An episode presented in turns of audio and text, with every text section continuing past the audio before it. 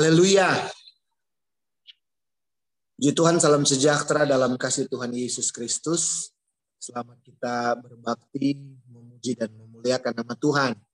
Puji Tuhan, hari yang indah. Kembali saudara dan saya boleh ada di aplikasi ini untuk sama-sama kita uh, mengisi waktu kita, memberi waktu kita, waktu-waktu yang terbaik untuk diberikan kepada Tuhan di dalam hari-hari kebersamaan saudara dan saya di dalam Tuhan ya. Kita bersama-sama dengan Tuhan setiap waktu setiap saat. Ada banyak kali kita di dalam kesibukan-kesibukan di dalam uh, aktivitas-aktivitas saudara dan saya.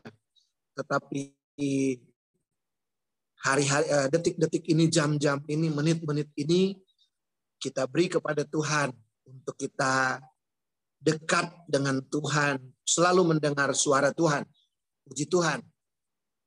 Kebenaran firman Tuhan pada sore hari ini di dalam kisah para rasul pasal yang ke-8 ayat yang ke-26 Kisah para Rasul pasal yang ke-8 ayat yang ke-26 Firman Tuhan katakan demikian ayat 26.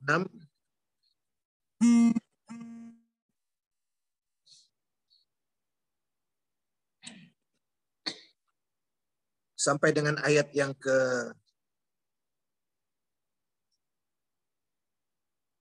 27 saja. Kisah para Rasul pasal 8 ayat 26 dan ayat 27 demikian firman Tuhan. Kemudian berkatalah seorang malaikat Tuhan pada Filipus katanya, bangunlah dan berangkatlah ke sebelah selatan menurut jalan yang turun dari Yerusalem, yang sunyi. Lalu berangkatlah Filipus. Adalah seorang Ethiopia, seorang sida-sida, pembesar dan kepala perbendaharaan Sri Kandake, Raja Ratu Negeri Ethiopia yang pergi ke Yerusalem untuk beribadah. Puji Tuhan. Saudara-saudara yang kekasih dalam Tuhan, bagian ini saudara dan saya sudah sering membacanya, tapi kebenaran firman Tuhan pada sore hari ini saya beri tema suka-sukamu Tuhan. Suka-sukamu Tuhan. Kalau kita lihat saudara-saudara memang resiko saudara dan saya memberi diri kepada Tuhan itu sama seperti Filipus. Ketika Filipus memberi diri untuk menjadi anak Tuhan, dipenuhkan dengan Roh Kudus, dia menjadi seorang hamba Tuhan, dia menjadi pelayan Tuhan yang bekerja bagi Tuhan untuk menyenangkan Tuhan. Saya percaya bahwa semua kita dipanggil oleh Tuhan untuk menjadi pekerja Tuhan yang melayani Tuhan apa sih pelayanan kita? Melakukan kehendak Tuhan. Berbuat apa yang Tuhan inginkan, apa yang Tuhan mau. Dan saya percaya saudara dan saya kita diberikan kemampuan untuk mengetahui ya eh, Roh Kudus memberikan kemampuan buat saudara dan saya untuk bisa mendeteksi apakah kita melakukan yang berkenan kepada Tuhan atau tidak. Bagaimana caranya kita bisa mendeteksi bahwa kita sedang melayani Tuhan atau tidak? Kalau kita melakukan sebuah pekerjaan, kemudian tidak ada damai sejahtera. Waduh, malah kita kehilangan damai sejahtera. Ya, itu seperti sinyal-sinyal. Wah, jangan-jangan kita melakukan yang tidak berkenan kepada Tuhan. Atau ketika saudara dan saya melakukan sesuatu, Sekalipun orang bilang, wah kamu salah, kamu ah, kamu begini, ya rugi kamu eh, melakukan itu, kamu rugi itu. Tapi kemudian hati saudara dan saya berbicara, wah ini ada damai sejahtera bahwa, oh saya sudah melakukan yang terbaik buat Tuhan.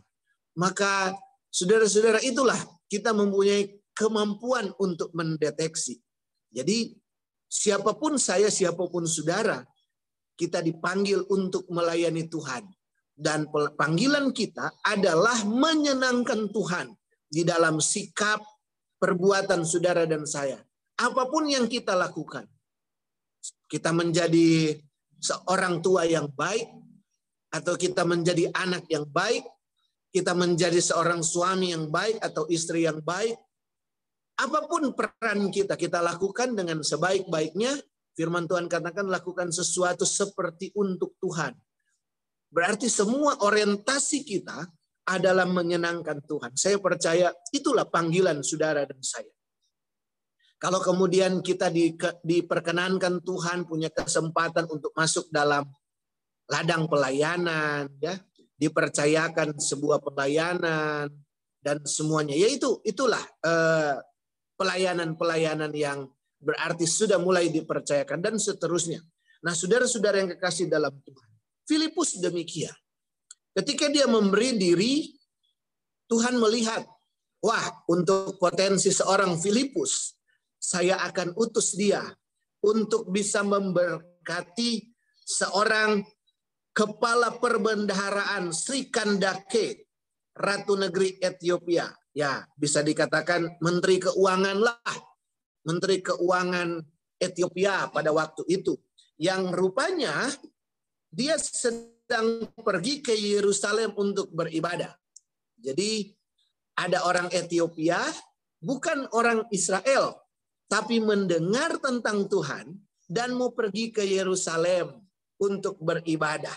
Jadi Tuhan Tuhan wah ini harus disuruh Filipus nih yang harus pergi kerjain. Nah, saudara-saudara, maka Tuhan datang kepada Filipus. Tuhan datang kepada Filipus dan Kemudian mulai uh, Tuhan berbicara kepada Filipus, bangun, berangkat ke sebelah selatan. Tapi masalahnya saudara-saudara, kalau saudara dan saya seperti Filipus, kita dipanggil oleh Tuhan menjadi anak Tuhan. Berarti kita siap untuk mengerjakan apa yang Tuhan suruh kita lakukan. Saya percaya bahwa Tuhan menyuruh kita, Tuhan memerintahkan kita melakukan sesuatu yang bisa saudara dan saya lakukan. Dia memberi kita kemampuan, bukan apa yang tidak bisa kita lakukan ya. Tuhan tidak akan suruh saudara dan saya eh, apa mengurus misalnya gitu. Karena kita bukan menteri keuangan negara Indonesia terus Tuhan suruh kita mengatur keuangan Indonesia, keuangan Jokowi, ah nggak akan begitu. Tuhan tidak karena bukan bukan uh, kapasitas kita, bukan tapi apa pun kapasitas saudara dan saya, Tuhan pasti pakai, Tuhan pasti gunakan untuk memberkati seseorang yang Tuhan ingin berkati. Seperti Filipus. Kalau ketika Tuhan lihat, oh Filipus punya kapasitas. Tuhan suruh dia pergi ke kepada Sri Kandake. Nah, saudara-saudara, tetapi ketika dipercayakan oleh Tuhan, Filipus untuk melakukan tugas ini, kita lihat di sana ada resiko di sana. Apa di sana? dikatakan, bangunlah dan berangkatlah ke sebelah selatan menurut jalan yang turun dari Yerusalem ke Gaza. Jalan yang turun dari Yerusalem ke Gaza, jalan itu jalan yang sunyi. Wah, nah saudara-saudara, ini saya percaya bahwa kalau firman Tuhan jelasin tentang jalan ini, dikatakan jalan itu sunyi. Wah, nggak enak. Lebih baik tinggal di Yerusalem saja. Ngapain Tuhan suruh ke tempat-tempat yang seperti itu?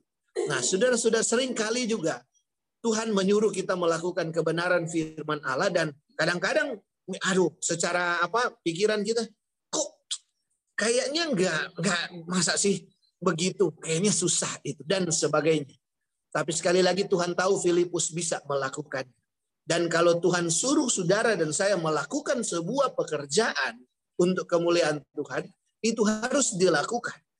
Harus dikerjakan karena Tuhan tahu saudara sanggup untuk menyenangkan dia. Tuhan tahu saudara sanggup untuk bekerja, mengerjakan pekerjaan itu. Nah, saudara-saudara yang kekasih dalam Tuhan, tapi memang resikonya begitu. Sebagai anak Tuhan saya tahu eh, banyak kali mungkin saudara-saudara ada yang pernah yang kayaknya sulit melakukan firman Tuhan. Waduh ini begini, apalagi mau Natal seperti ini.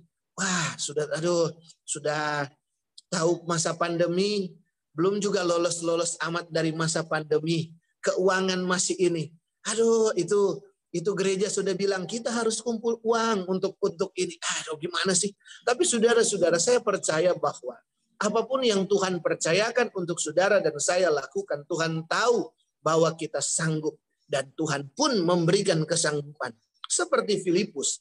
Jadi saudara-saudara, untuk melayani Tuhan, untuk menyenangkan hati Tuhan.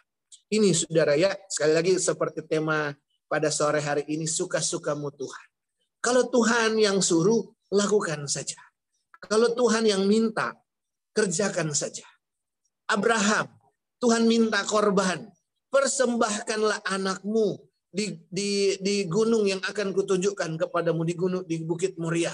Ah, kenapa itu? Itu kan anak saya satu-satunya.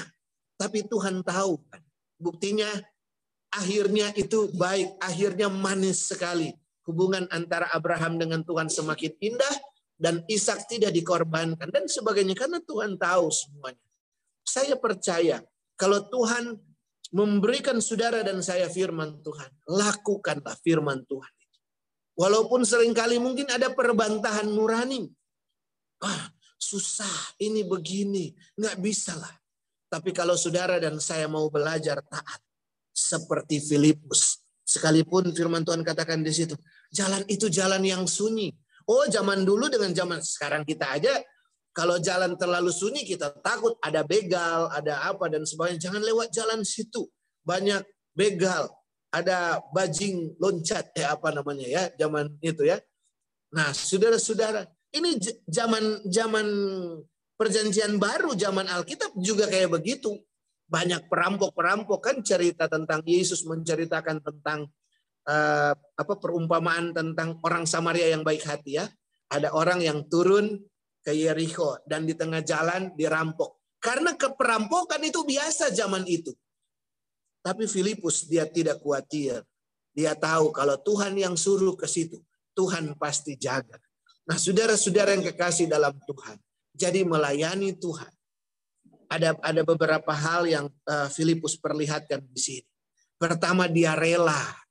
Dia rela untuk melakukan kehendak Tuhan. Biarlah saudara dan saya juga rela melakukan kehendak Tuhan.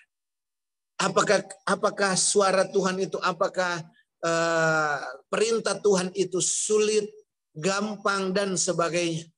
Relakan kita, relakan hidup saudara dan saya untuk melakukan apa yang Tuhan minta, apa yang Tuhan inginkan. Itulah bentuk kesetiaan saudara dan saya. Itulah bentuk komitmen kita, kesungguh-sungguhan kita untuk melakukan firman Tuhan. Kan kita tadi nyanyi ya pujian tadi ya. Pengabdianku hanya bagimu. Yesus, Yesus, engkaulah Bapakku. Ya, wah itu saya waktu nyanyi lagu itu wah pas banget ini ya. Pengabdian, pengabdianku bagimu. Nah, saudara-saudara, apa sih yang harus saudara dan saya lakukan? Itu saya percaya bahwa banyak sekali yang tanggung jawab tanggung jawab yang Tuhan berikan buat saudara dan saya yang setia. Berbahagialah eh, di dalam firman Allah dikatakan ber, Yesus berkata berbahagialah hamba yang kedapatan setia melakukan apa yang disuruh oleh Tuannya. Tuhan kita adalah Yesus. Ketika Tuhan suruh lakukan firmanku, saudara dan saya melakukan firman Allah. Setia kepadaku, kita saudara dan saya setia apa pun yang sedang terjadi. Maka Tuhan berkata berbahagialah hamba yang setia kepada Tuannya. Berbahagialah saudara, berbahagialah kita yang setia kepada Tuhan. Tetapi buat mereka ada banyak orang yang tidak mempedulikan, tidak mempedulikan suara Tuhan, tidak mempedulikan uh, apa, tidak mempedulikan cara hidup mereka, mereka nggak mau hidup berkenan kepada Tuhan, tidak mau melakukan firman Tuhan. Di dalam Mazmur 73, Mazmur pasal yang ke-73 ini ayat yang bagi saya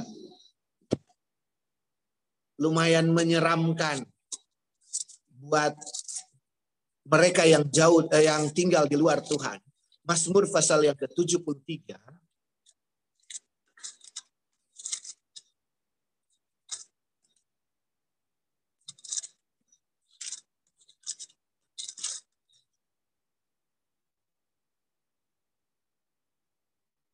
ayat yang ke 19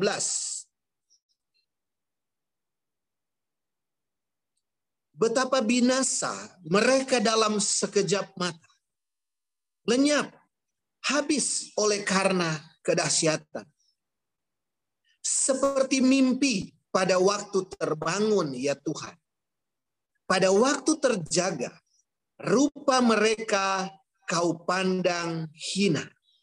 Nanti kalau saudara saudara baca mulai dari ayat-ayat sebelumnya, ayat yang ke-12 saja, ayat 12, Mazmur 73 ayat 12, sesungguhnya itulah orang-orang fasik. Sampai di situ saja.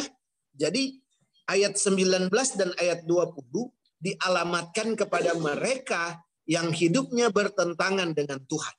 Yang hidupnya selalu melawan perintah Tuhan. Orang fasik itu orang jahat dikasih tahu kebenaran firman Allah tapi nggak mau. Pokoknya menjadi pelawan-pelawan Tuhan.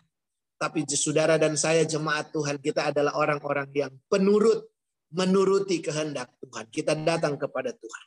Ayat 19 di ayat 20 dikatakan mereka yang tidak menuruti firman Allah seperti mimpi pada waktu terjag terbangun. Ya Tuhan, pada waktu terjaga rupa mereka kau pandang hina. Ini sebetulnya ayat 20 ini adalah uh, perumpam adalah apa sih apa namanya? Uh, hiasan, bahasa hiasan. Kalau gamblangnya begini. Seperti mimpi pada waktu terbangun. Jadi dikatakan ini seperti mimpi, tapi ini nyata. Pada waktu terjaga, pada waktu eh, orang-orang fasik itu nanti terjaga, mereka sadar. Kapan mereka sadar? Ketika penghakiman itu sudah berlangsung. Ada orang yang hidup, pokoknya aku mau hidup sesuai kehendakku saja. Bodoh amat, tidak peduli dengan uh, apa Tuhan. Tidak peduli, pokoknya aku hidupkan hidup cuma sekali ah gitu ya. Hidup cuma sekali, nikmati ini hidup maka mereka mulai hidup dengan hura-hura, mereka hidup dengan kesenangan mereka, sampai kemudian ya namanya batas usia Tuhan panggil pulang.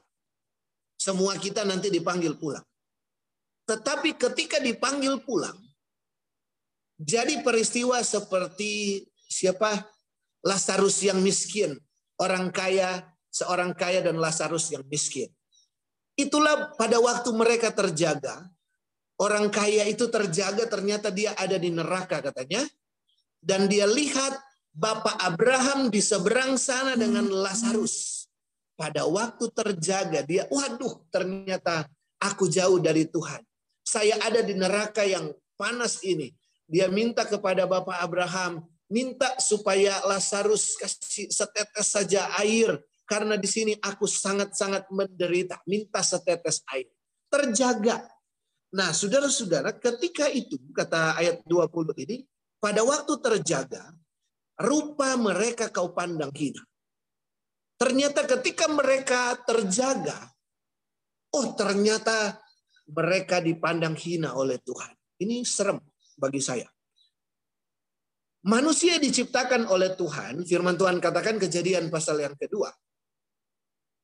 Kejadian pasal yang pertama itu, baiklah kami menciptakan manusia menurut gambar dan rupa kita, kata Tuhan ya, eh, penciptaan. Jadi manusia diciptakan menurut gambar dan rupa Allah. Itu indah, itu baik. Dari tujuh hari penciptaan, hari ketujuh kata Tuhan paling baik, hari keenam paling baik. Kenapa? Ada manusia yang diciptakan segambar dan serupa dengan Allah. Tetapi pertanyaannya kenapa Mazmur 73 Tuhan katakan rupa mereka dipandang hina. Kenapa? Karena rusaknya gambar Allah dalam diri manusia. Kenapa? Karena dosa, karena ketidaktaatan, karena tidak mau melakukan kebenaran firman Allah. Tidak ada kerelaan. Tadinya mau lakukan firman Tuhan, tapi waktu dilihat seperti Filipus misalnya. Kalau Filipus, wah jalan itu sunyi. Janganlah Tuhan. Aku nggak mau ke situ. Aku mau ke jalan yang lain aja. Saya mau ke Yerusalem aja, rame di situ. Seperti Yunus disuruh ke Niniwe, dia malah pergi ke Tarsis katanya. Tarsis atau Tarsus. Ya, dia pergi ke sana ke Asyur. Wah, kan eh, disuruh ke Asyur maksudnya, disuruh ke Niniwe, tapi dia pergi ke Tarsis. Ya kayak begitu. Akhirnya ya saudara bisa tahu ya cerita tentang Yunus, tapi untung Yunus ada kemurahan Tuhan. Kita juga banyak kekurangan. Kita dulu kita nggak percaya kepada Tuhan, kita nggak setia kepada Tuhan. Tapi karena kemurahan Tuhan, saudara dan saya boleh ada di rumah Tuhan, melayani Tuhan. Masih ada kemurahan. Tetapi pintu kemurahan itu nggak selamanya terbuka. Kapan pintu kemurahan Allah tertutup? Ketika saudara dan saya tutup usia. Ketika kita tutup usia, maka yang dilihat firman Tuhan katakan adalah apa yang saudara dan saya lakukan. Apakah kita melakukan hal yang berkenan kepada Tuhan atau tidak. Ketika orang fasik tutup usia, kata firman Allah, rupa mereka kau pandang hina ya Allah. Itu sebabnya saudara-saudara yang, yang kekasih dalam Tuhan. Kesetiaan, kerelaan itu perlu. Mulai dari kapan? Mulai dari sekarang. Ada waktunya Eh, kesempatan itu tidak ada lagi. Pengkhotbah ini bagian-bagian terakhir pengkhotbah pasal yang ke-11 ini saya percaya saudara tahu cerita firman Tuhan ini sering kali dibaca pada waktu orang meninggal. Ya. Pengkhotbah pasal yang ke-11 kita lihat di sana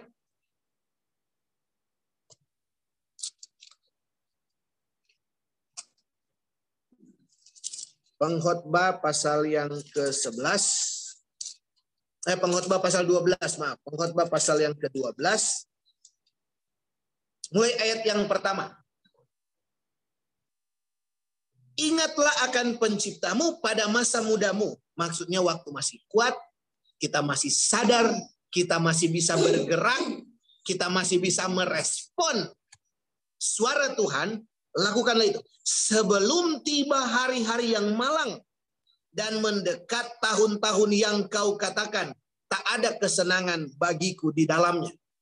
Kita lihat ayat 2 dan seterusnya itu penjabarannya. Sebelum tapi ini sebetulnya bahasa kiasan Saudara ya. Saya artikan buat Saudara. Sebelum matahari dan bulan, matahari dan terang, bulan dan bintang-bintang menjadi gelap dan awan datang kembali sesudah hujan. Jadi banyak orang lagi senang-senang nggak mau eh, nggak mau eh, setia kepada Tuhan. Nanti sudah susah, sudah apa baru tapi ya wajarlah banyak banyak kita juga yang begitu ya ya eh, kadang-kadang kami juga diproses saya juga diproses wah kalau lagi senang-senang lupa sama Tuhan tapi pas giliran susah kita baru, aduh, susah ini. Harus berdoa kepada Tuhan, minta pertolongan Tuhan. Tapi masih oke okay lah. Pintu kemurahan itu masih ada. ya Saudara dan saya, berapa kali sering kita mungkin melakukan itu. Kalau susah baru datang kepada Tuhan, oh di sini nggak ada, tapi di luar sana banyak. Ya, itu itu ibarat kata ini sebelum matahari terang, bulan, bintang-bintang menjadi gelap. Belum ada ada masalah, tidak ada masalah, setia kepada Tuhan. Ingat penciptamu, kata Tuhan. Ayat 3. Pada waktu penjaga-penjaga rumah gemetar. Apa ini penjaga-penjaga rumah gemetar? Ini bicara fisik tubuh sebetulnya. Penjaga-penjaga rumah gemetar. Ya, kadang-kadang kita apa eh, sudah apa reaksi tubuh sudah orang-orang kuat membungkuk orang-orang kuat membungkuk ya. Kita sudah mulai kehilangan, ada orang mulai kehilangan kekuatan. Perempuan-perempuan penggiling. Apa ini maksudnya perempuan-perempuan penggiling? Berhenti karena berkurang jumlahnya. Gigi satu persatu mulai rontok. Artinya kita sudah mulai tua. Siapa sih kita yang yang apa?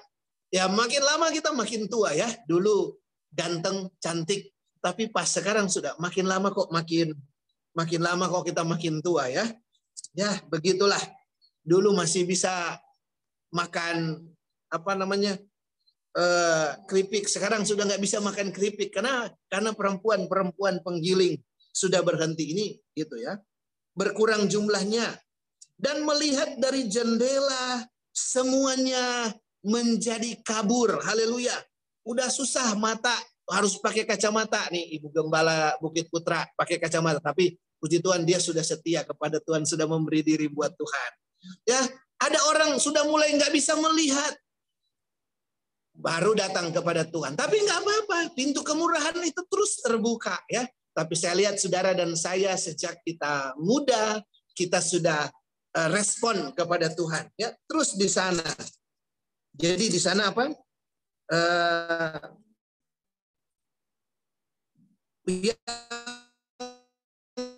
melihat dari jendela semuanya menjadi kabur itu sebetulnya bahasa untuk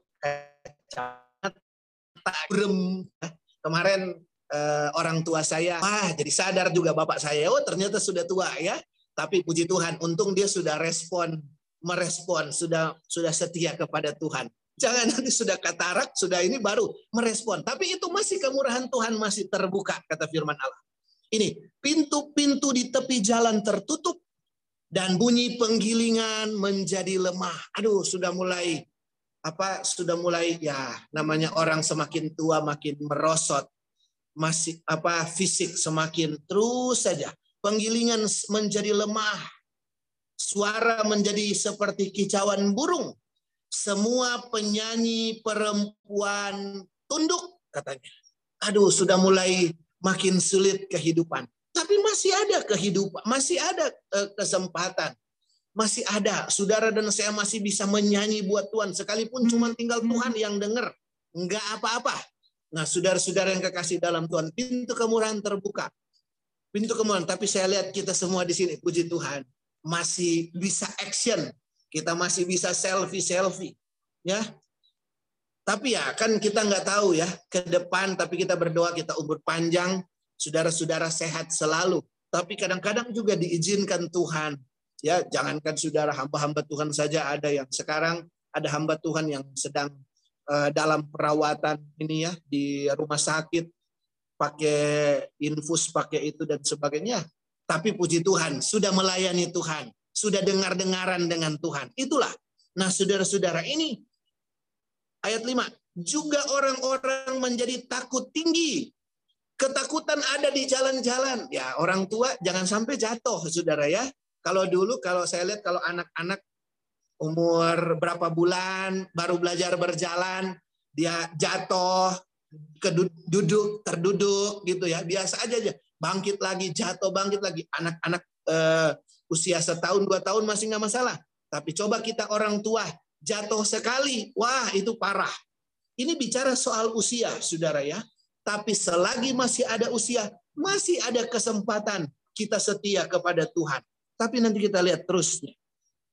Pohon badam berbunga. Belalang menyeret dirinya dengan susah payah. Nafsu makan tak dapat dibangkitkan lagi. Wah, makan sudah susah kita ya. Oh, sudah nggak bisa makan dan sebagainya. Yaitu mungkin sudah sudah harus pakai alat dan sebagainya. Tapi selagi masih begitu pun masih ada kemurahan Tuhan untuk saudara dan saya tetap memuliakan Tuhan apalagi kita sekarang gitu ya. Puji Tuhan. Tapi kita lihat di sini. Karena manusia pergi ke rumahnya yang kekal dan peratap-peratap berkeliaran di jalan. Sampai saudara dan saya kembali pulang. Peratap-peratap di jalan. Siapa yang meratap kita? Keluarga kita mungkin akan meratap kita. Mungkin ya itu sudah siklus seperti itu. Ketika ada salah satu kita dipanggil pulang, ya mungkin banyak-banyak ada yang meratapi kita dan sebagainya. Itu bicara ketika saudara dan saya dipanggil Tuhan kembali. Di situlah pintu kemurahan Allah diperhitungkan sudah selesai. Nah saudara-saudara, firman Tuhan katakan, ingatlah akan penciptamu. Selagi, saya kalau saya baca di sini, kalau di sini kan, ingatlah akan penciptamu pada masa mudamu. Tetapi sebetulnya ingatlah akan penciptamu selagi ada kesempatan. Selagi ada waktu. Sebelum Tuhan panggil pulang saudara dan saya. Sekarang kita dalam kondisi apa pun, setia kepada Tuhan. Karena ketika orang tidak memanfaatkan bagian ini atau kehidupan tidak termanfaatkan, saudara-saudara.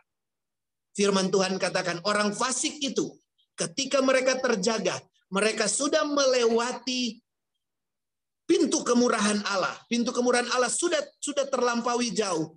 Firman Tuhan katakan, rupa mereka dipandang hina oleh Allah. Tetapi saudara dan saya yang selalu setia kepada Tuhan. Seperti Filipus yang ikut apa kata Tuhan. Melakukan kebenaran firman Allah. Rupa kita dipandang indah oleh Tuhan. Ketika saudara dan saya dipanggil pulang. Firman Tuhan katakan. Berbahagialah hamba yang dipanggil Yesus berkata, marilah masuk hai hambaku yang setia, marilah dan masukilah, turutlah dalam kebahagiaan Tuhan. Puji Tuhan, saya percaya saudara jemaat Tuhan kita semua berusaha untuk setia kepada Tuhan. Bukan cuma saudara, kami juga. Kita punya tuntutan yang sama untuk setia, untuk rela apa pun yang Tuhan suruh lakukan. Ya suka-suka Tuhan. Tuhan suruh apa pun, tapi saudara dan saya lakukan saja. Saya percaya pada waktunya nanti bagian kita adalah yang terbaik Tuhan sudah sediakan. Ketika kita dipanggil Tuhan, kata firman Allah, ketika manusia kembali ke rumahnya yang kekal. Puji Tuhan, Tuhan Yesus memberkati kita dengan kebenaran firman Allah.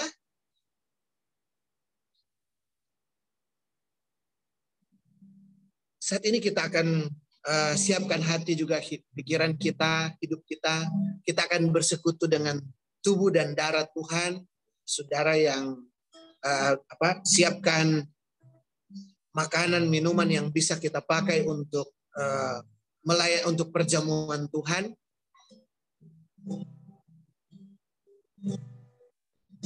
Yesus, Yesus, Yesus berseru Yesus, Yesus, ku panggil namamu.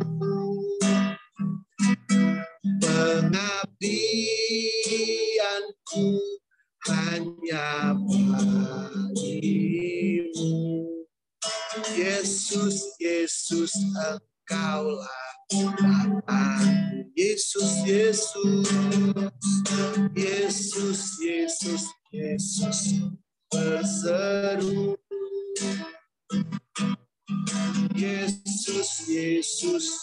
namamu. Pengabdianku hanya Yesus, Yesus. Kita akan masuk perjamuan Tuhan dengan darahmu. Kau tebus dosa.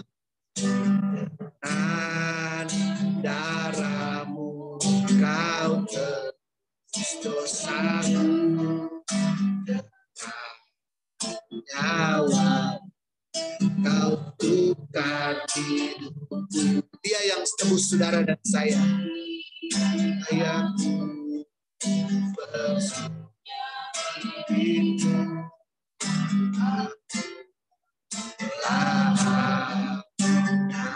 Sekali lagi kita nyanyikan pujian dengan darah. Dan darah kau dosaku nyawa cautucarmiro e a tus padrito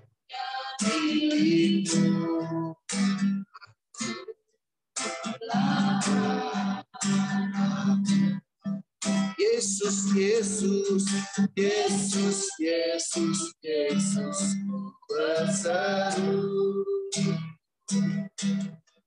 Yesus, Yesus, ku panggil namamu. Pengabdianku hanya. Yesus, Yesus. Yesus menukar hidupnya dengan hidup saudara dan saya. Tadi kita nyanyi pujian itu. Dia tukar hidup kita. Darahnya, nyawanya. Dia berikan supaya saudara dan saya selamat. Ketika kita kembali ke rumah yang kekal itu, kita diterima di dalam kerajaan sorga yang kekal. Hari ini di hadapan saudara dan saya bukan lagi roti dan air anggur biasa, tapi adalah tubuh dan darah Tuhan. Bukan lagi makanan, minuman biasa yang saudara siapkan, mungkin air putih dan sebagainya. Bukan lagi itu. Tetapi ketika kita berdoa, itu adalah tubuh dan darah Tuhan. Dan itu adalah korban dari Tuhan untuk membayar lunas dosa-dosa saudara. Haleluya, haleluya. Terima kasih Bapa dalam sorga, terima kasih Tuhan. Malam hari ini kami datang kepadamu. Terima kasih buat pengorbananmu yang ajaib. Tubuh dan darahmu Bapak. Kami akan masuki perjamuan Tuhan. Layakkan, kuduskan kami. Ketika kami menerima tubuh dan darahmu ya Bapak. Menyucikan, menguduskan kami. Dan kami menjadi pengabdi-pengabdi Tuhan. Pengabdi bagimu ya Bapak. Melakukan segenap perintah-perintahmu ya Tuhan. Setia kepada engkau. Terima kasih Tuhan, layakkan kami semua. Layakkan kami. Terima kasih Bapak. Kami akan masuki perjamuan Tuhan. Melakukan perjamuan Tuhan. Di dalam nama Allah Bapa, Anak, dan Roh Kudus. Yaitu dalam nama Tuhan Yesus Kristus. Haleluya, haleluya, haleluya.